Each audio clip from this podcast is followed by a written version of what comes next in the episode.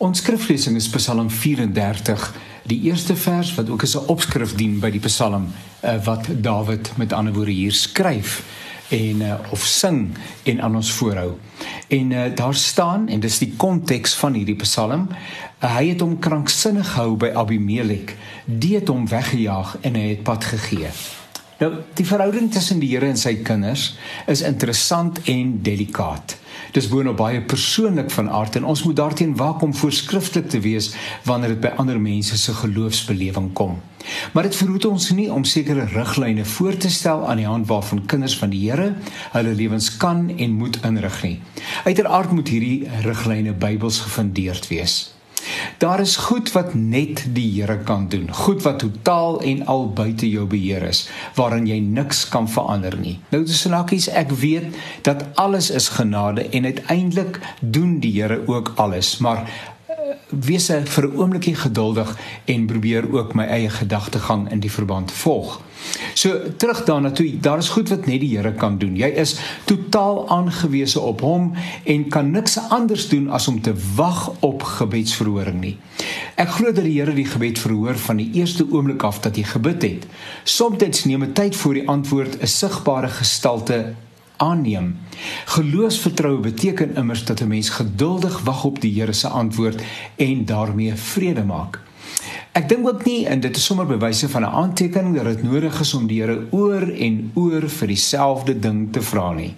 As jy jou petisie eenmal aan die Here gestel het, kan jy dit gerus maar by die Here laat en weet dat hy op sy tyd daarmee sal handel. Dis natuurlik as jy in die geloof en in afhanklikheid gebid het. Maar terug by die gedagte dat daar sekere dinge is waarin ons niks kan verander nie. Ek dink byvoorbeeld aan 'n ernstige siekbed. Die prognose van die dokter is nie positief nie en uh, hy sê daar is numeries gesproke niks wat gedoen kan word nie. Nou kan net die Here help. Nou jy verstaan ook weer 'n keer as ek sê nou kan net die Here help. Dan staan 'n mens inderdaad in 'n totale afhanklike posisie voor hom. Maar daar is ook goed waarvoor 'n mens bid waarop jy self die antwoord is. Neem byvoorbeeld hierdie unieke situasie waarin Dawid homself bevind. Ek twyfel nie vir 'n enkele oomblik daaraan dat Dawid met die Here oor sy situasie gepraat het nie. Immers, dis waar die Psalm sy beslag gekry het.